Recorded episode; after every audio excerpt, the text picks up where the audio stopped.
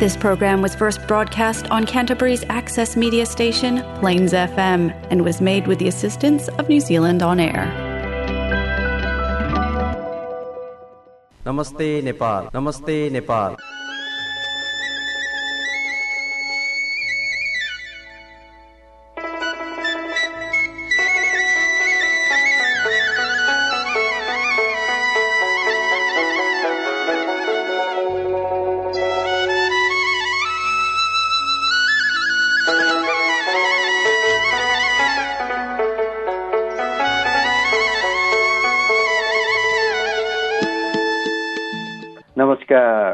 FM ninety six point nine मेगाजमा यो हो क्राइस्टसवासी नेपालीहरूको आफ्नै कार्यक्रम कार्यक्रम Namaste Nepal.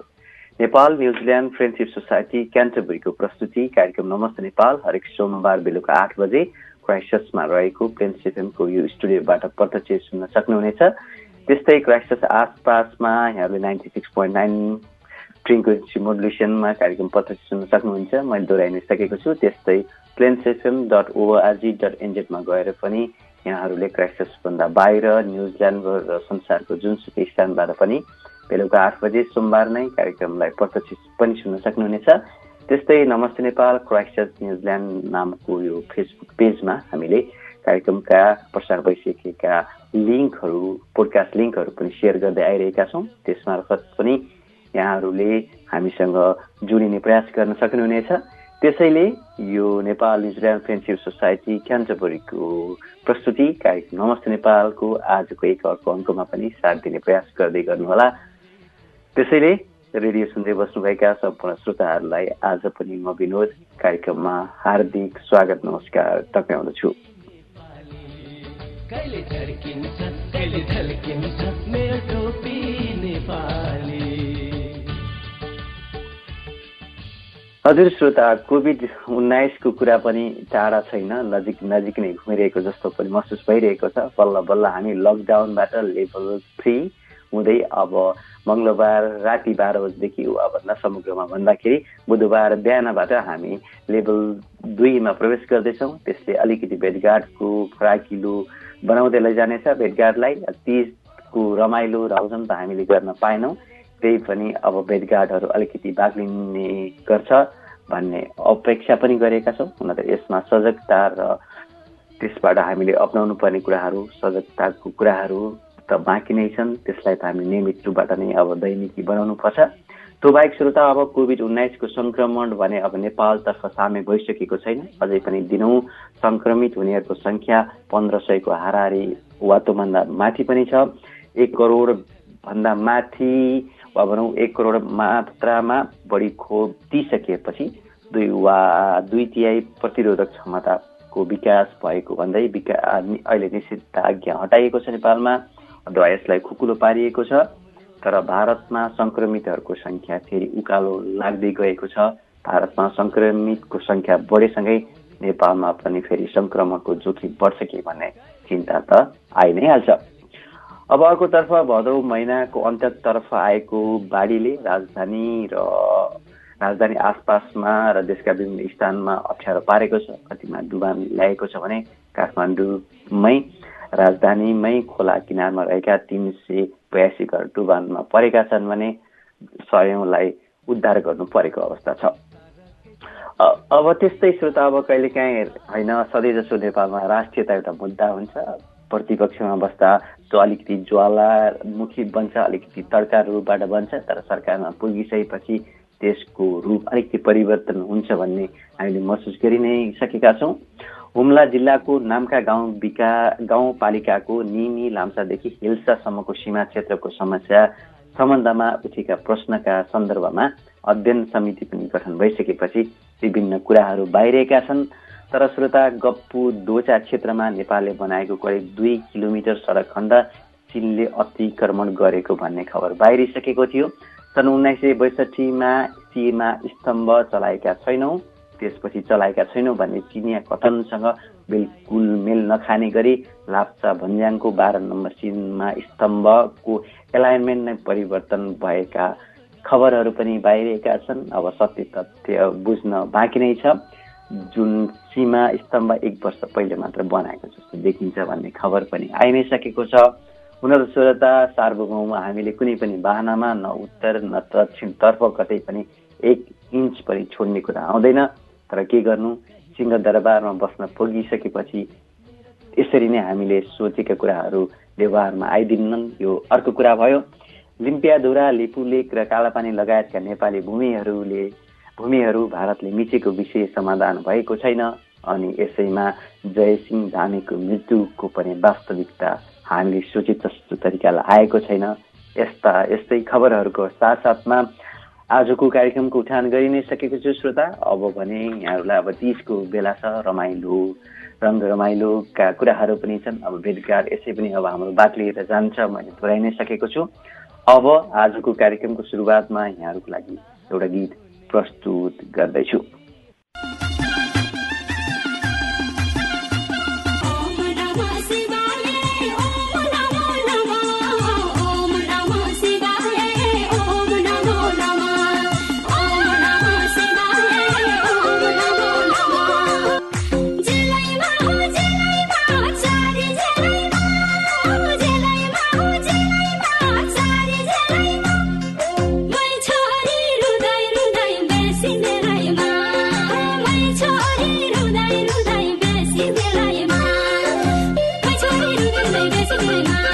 Bye.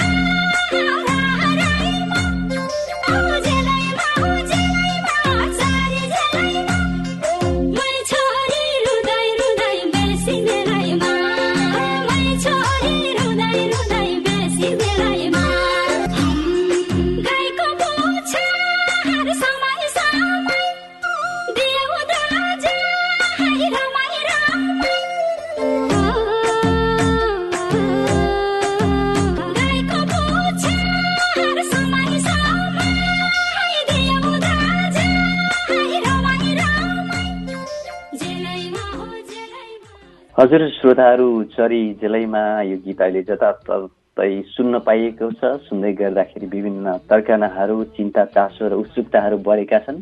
गायिका विष्णु माझीको स्वरमा सजिएको यो गीतका शब्दहरू विशेष गरी चोटिला सुन्दर मणि अधिकारीले लेखेका हुन्। हुन त श्रोता विष्णु माझी र सुन्दर मणि अधिकारीको विषयमा धेरै कुराहरू बजारमा आइ नै सकेका छन्। म त्यसको धेरै वर्णन र व्याख्यातर्फ जान चाहन्न। अहिले विष्णुमाझीको स्वरको यो गीत बजारमा आइसकेपछि उनको निजी जीवनलाई लिएर फेरि अघि भने जस्तै आम जनमा चिन्ता चासो र उत्सुकता बढेको छ। पन्ध्र सोह्र वर्षको कलिलो उमेरदेखि नै घर छाडेर गीत सङ्गीत क्षेत्रमा लागेकी विष्णु माझीले अहिलेसम्म दस हजारभन्दा बढी नेपाली गीत लोक सङ्गीतमा आवाज दिइसकेकी छन्। सुमधुर स्वरकी धनी गायिकाले अहिले व्यतीत गरिरहेको जीवन खास उनले चुने जस्तै छ कि शङ्का गरिए जस्तो पो छ कि वास्तवमा आम जनताले जान्न पाएदेखि राम्रो हुन्थ्यो भन्ने मेरो इच्छा तपाईँको इच्छा सबैको इच्छा छ जस्तो लाग्छ। अब श्रोता यो प्रसङ्गलाई मैले छोडिसकेपछि सीमाको कुरा त हामीले कार्यक्रममा उठाइ नै सकेका छौँ। अब सीमाको कुरा गर्दाखेरि अलिकति दोष पालेको जस्तो पनि हुन्छ। उता र यता भन्ने कुराहरू नभइकन सीमावर्ती बस्तीमा नेपालीहरूले वर्षौँदेखि लाल पूर्जा नपाएर बस्नु पर्दाको अवस्था कस्तो होला हामी सोच्न मात्र पनि सक्दैनौँ तैपनि वास्तविकता यस्तै छ।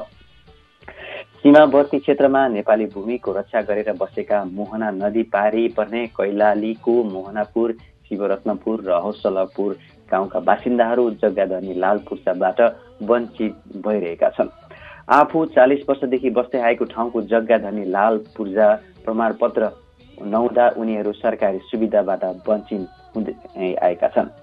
सीमामा दक्षिणतर्फबाट हुने ज्यादती सहेर नेपाली भूमिको संरक्षण गरिरहेको भए पनि जग्गा धनी प्रमाण पूर्जा नदिएकोमा राज्यहरूसँग उनीहरूको गुनासो हुनु स्वाभाविक हो। लाल पूर्जा नहुँदा सरकारले कृषिमा दिने अनुदान सहयोग सय धुरी भन्दा बढीका नेपालीवासीहरूले अझैसम्म पाएका छैनन्। बैङ्क सहकारी लगायत वित्तीय संस्थामा जग्गा धितो राखेर कारोबार गर्न समेत नपाएको स्थानीयहरूको गुनासोलाई कहिले कसरी सुनिन्छ वा भनौँ व्यवस्थित बनाइन्छ त्यो पनि अब प्राथमिकताको बिन्दुमा वा भनौँ पर्छ कि पर्दैन त्यो पनि हेर्नै पर्ने हुन्छ। श्रोता यसरी हामीले शक्ति र सुविधाहरू अनि सबै स्रोत साधनको पहुँचहरू सिंहदरबारबाट अलिकति गाउँ गाउँ क्षेत्रमा पुर्याउने भनिएको थियो। तर अब कैलालीको यो मोहनापुर शिवरत्नपुर र हौसलपुरको गाउँका बासिन्दाको कुराहरू सुन्दाखेरि उहाँहरूको जीवन बगाएको कुराहरूलाई महसुस गर्दाखेरि हामीले विशेष गरी राजनीति नेतृत्वले भनेको र बासा गरेको जस्तो व्यवहारिकता छँदै छैन। हामीले अङ्ग्रेजीमा भन्दा फल्स प्रमिस भन्छौँ। सायद यस्तै नै भइरहेको छ। अब श्रोता वासस्थानको कुरा गर्दै गर्दाखेरि अब एउटा प्राकृतिक जनावर जसलाई प्रकृतिको कुचिकार पनि भनिन्छ गिद्ध जसले वासस्थान त्यागेर एक एघार सय किलोमिटर टाढासम्म घर जमन घर जमन गरेर बस्दा रहेछन्। त्यसै प्राकृतिकको कुचिकार गिद्धको विषयको यो छोटो प्रसङ्ग यहाँ प्रस्तुत गर्न चाहे श्रोता। दुई वर्ष दुई दशक अघि ग्रामीण भेगमा सजिलै भेटिने प्रकृतिको कुचिकार अर्थात् गिद्ध अहिले देख्नै नसकिने अवस्थामा पुगेका छन्। यो नेपालको खबर हो श्रोता। केही वर्ष यता एकाएक हराउँदै गएका गिद्धहरूबारे धेरैलाई चासो पनि हुँदैन। एक त यी सिनो खान्छन् अर्को अरू चराचुरुङ्गी जस्तो नजिकबाट निहाल्न पनि सकिँदैन। तर गिद्धलाई सेटेलाइट ट्याग लगाएर पछ्याउँदा नवबल प्रवासीको काउसतीबाट से फेक्सुन्डो हुँदै हिमालमाथि विचरण गरेकादेखि भारत पाकिस्तानको सीमा क्षेत्र काश्मीर पुगेर घरजन बसालेको जस्ता रोचक तथ्यहरू भेटिएका छन्। नेपालमा नौ प्रजातिका गिद्धहरू पाइन्छन् तीमध्ये छ प्रजाति रैथाने हुन् जसले नेपालमा बच्चा कुरल्छन् अहिले चार प्रजातिका गिद्धको सेटेलाइट ट्यागको सहायताले अध्ययन समेत गरिएको छ।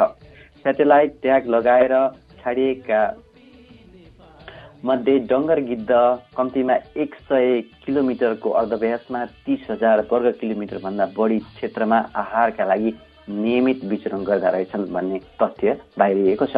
यिनीहरू नियमित रूपमा नेपाल भारत आवत जावत समेत गर्दा रहेछन्।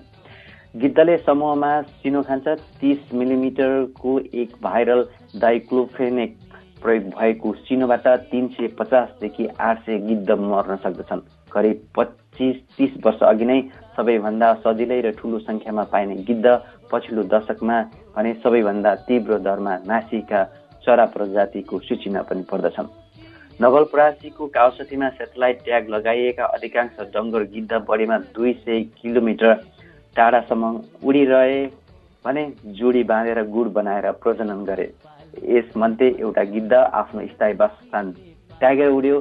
नवलप्रासीबाट करिब एघार सय किलोमिटर टाढा भारत पाकिस्तानको सीमा क्षेत्र जम्मू कश्मीरमा पुग्यो र हिमाल हिमाचल प्रदेशमै घरजम गरी बस्यो जुन अहिलेसम्म नेपाल फर्किएको छैन यस्तै खालका रमाइला र अनि अचम्म लाग्ने अनि प्रकृतिको कुचिकार गिद्धसँग जोडिएका प्रसङ्गहरू हुन्छन्।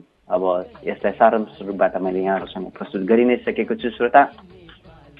हुन त राजनीतिको विषयमा अझै पनि निकास पाउन सकिएको छैन। एमसिसीको चर्चा बाँकी नै छ। अहिले यसमा कोभिडका अप्ठ्याराहरू छन् बिचमा बाढी पहिरोको कुराहरू छन् त्यही पनि नेतृत्वमा आउनेहरूले के अलिकति उत्साह लिएर आउँछन् कि भन्ने आशा अझै पनि मरेको छैन।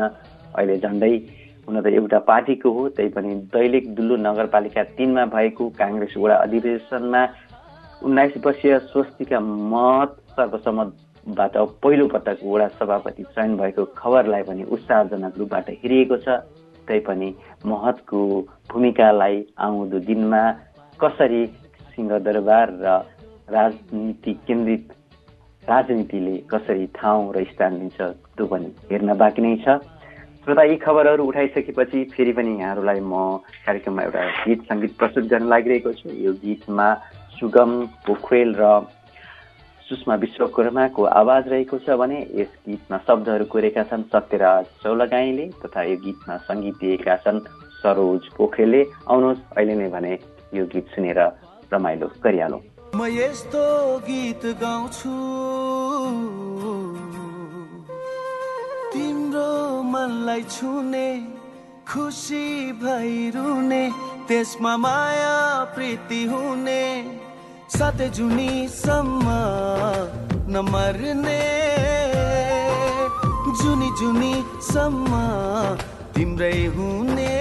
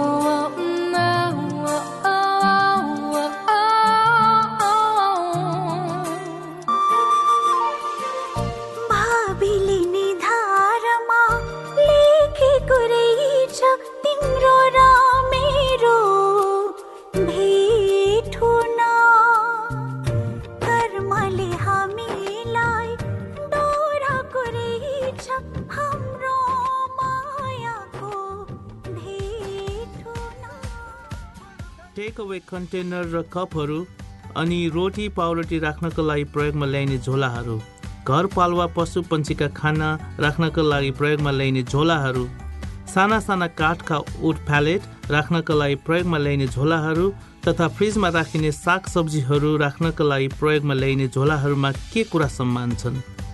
ती सबै रातो रङको फोहोर फाल्ने भाँडोमा जान्छन्। सबै नरम खाले प्लास्टिकहरू जसलाई तपाईँले आफ्नो हातले कच्याक कुचुक पार्न सक्नुहुन्छ ती सबै तपाईँको रातो बिनमा जान्छन्। तपाईँले हाम्रो अनुवादित bin guides CCC dot GOVT dot NZ slash bin गाइड्सबाट प्राप्त गर्न सक्नुहुन्छ।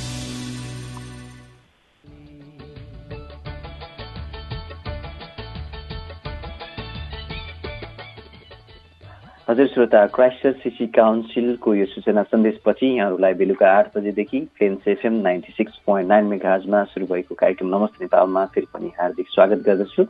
म विनोद यहाँहरूसँग साङ्गीतिक अनि यो जानकारीमूलक सामग्रीहरूको साथमा साथ दिन प्रयास गरिरहेको छु।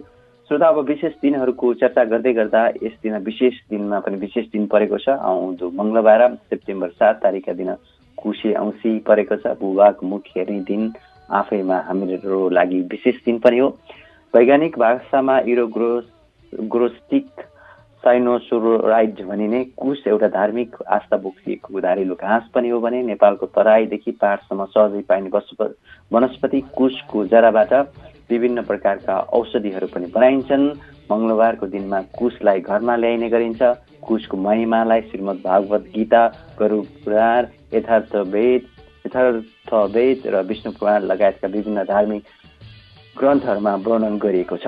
श्रोता त्यही दिन कुशी औँसी कुशी औँसी वा बुबाक मुख हेर्ने दिन पनि परेको छ। संसारमा हरेक दिन बिस्तारै गएर एउटा साँझमा रूपान्तरित रूपान्तरित हुन्छ। उदायका सूर्य एक दिन अस्ताउने रित छ भने नै दिन र साँझ क्रमसँगै जीवन बढ्दै गएर कहिले बुबा त कहिले छोरा र कहिले आमा त कहिले छोरीको भूमिका हामीले निर्वाह गर्ने क्रम चलिरहन्छ। हामीले केही दिन अगाडि गत आइतबार मात्रै बाहिरतिर ह्याप्पी फादर्स डे भनेर पनि आफ्ना बुवाहरूलाई विस गर्ने कार्यक्रम सम्पन्न भइसकेको छ भने अब नेपाली धर्म संस्कृति अनुसार त आउँदो सेप्टेम्बर सात अब मङ्गलबारको दिन बुबाको मुख्य दिन परेको छ। पृथ्वी लोकका सम्पूर्ण पिताहरूलाई स्मृति गर्दै कोटी कोटी नमन गर्ने प्रयास गरौँ। उहाँहरूदेखि अलिकति टाढा छौँ हामी। अहिले विशेष गरी म मेरो र मेरो जस्तै घरदेखि टाढा रहेको सन्ततिहरूको विषयमा कुरा गर्दछु। त्यसैले बुबाको माया गर्न धर्मले पक्कै पनि बाँधेको हुँदैन समयले छेकेको हुँदैन अनि भूगोलले स्नेह र सम्झनालाई कैद गर्न सक्दैन। हिउँदको कठाङ्गिरो कठाङ्ग्रिँदो चिसो ठन्डीमा हुनुहुन्छ वा हावाहुरी बतासमा हुनुहुन्छ मरुभूमिको गर्मीमा हुनुहुन्छ समुद्रको तट जहाँ हुनुहुन्छ अथवा नेपालमै अवसरहरूसँग पौटेजहरू खेल्दै हुनुहुन्छ जन्म दिने बुबालाई एक फेर खुसीका साथ स्मरण गरेर सम्पर्क राखेर उहाँको आवाज र मायाको आवाज दिने दिलाउने काम गर्ने प्रयास गर्नुहोला। त्यस्तै श्रोता बिहिबार अब विशेष तिजको कुरा त हामीले गरि नै रहेका छौँ। अब तिजको छोटो प्रसङ्ग पनि यहाँ जोड्न चाहेँ। आमा छोरी बुहारी सासू अमाजु दिदी बहिनी माइजू लगायतका सम्पूर्ण महिला नाति गोताहरूको साझा चौतारीको रूपमा तिजलाई लिन सकिन्छ। वैदिक हिन्दू सनातन परम्परा संस्कार तथा महिला सौभाग्यको प्रतीक स्वरूप रातो साडी चर्के तिलरी लगनको पोते लगायतका गरगना र वस्त्रादि पहिरेर तिजको दिनमा निराहार व्रत लिएर मठ मन्दिर र टोल छिमेकमा भेला भई नाचगान गर्दै गर्ने चलन पनि रहि रहिआएको छ। पति अनि परिवारको रक्षार्थ यो दिन व्रत बसेका नारीहरूको अटल सौभाग्य र सदा सर्वदा भरिभराउ कुखका लागि भगवान् स्वयं धरतीमा झर्छन् भन्ने जस्तो विश्वास गरिन्छ। हाम्रो घरमा पनि यसरी व्रत लिनुहुने आमा छोरी श्रीमती अनि बुहारी सासु अमाजु दिदी बहिनी माइजूहरूलाई पनि तिजको धेरै धेरै शुभकामना। त्यस्तै श्रोता अब यो विशेष दिन चाडपर्वको कुरा गर्दै गर्दा अलिकति इतिहासको कुरा पल्टाउँदाखेरि यो हप्ता अलिकति विशेष दिन सम्झना स्मरण गर्नुपर्ने दिन पनि सेप्टेम्बर एघारको दिनलाई पनि लिन्छ श्रोता। सन् दुई हजार एकको यो घटना हो। सेप्टेम्बरको दिन अब एघार मङ्गलबारका दिनकोमा आत्मघाती आक्रमणकारीहरूले अमेरिकी यात्रुवाहक विमानलाई आफ्नो नियन्त्रणमा लिएर न्युयोर्क न्युयोर्कका दुई गगनचुम्बी भवनमा जुतिँदा हजारौँ मानिसहरूले ज्यान ज्यान गुमाएको घटनालाई स्मरण गर्न खोजिएको छ श्रोता।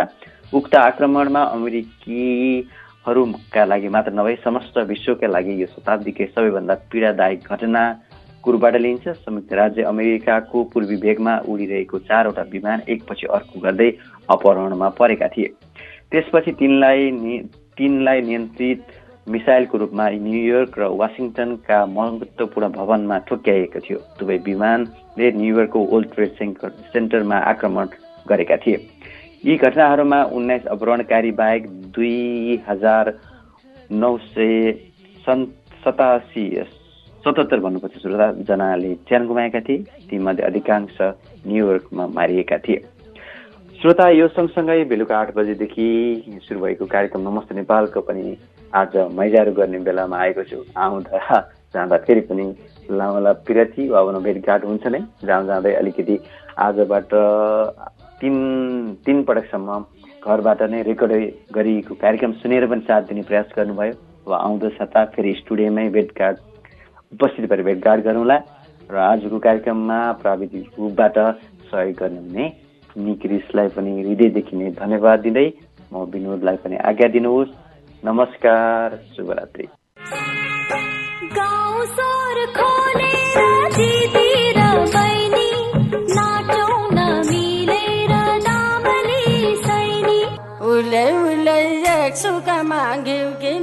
किनिन्त छ माना हेर्दा हेर्दै के आयो नि यस्तो जमाना।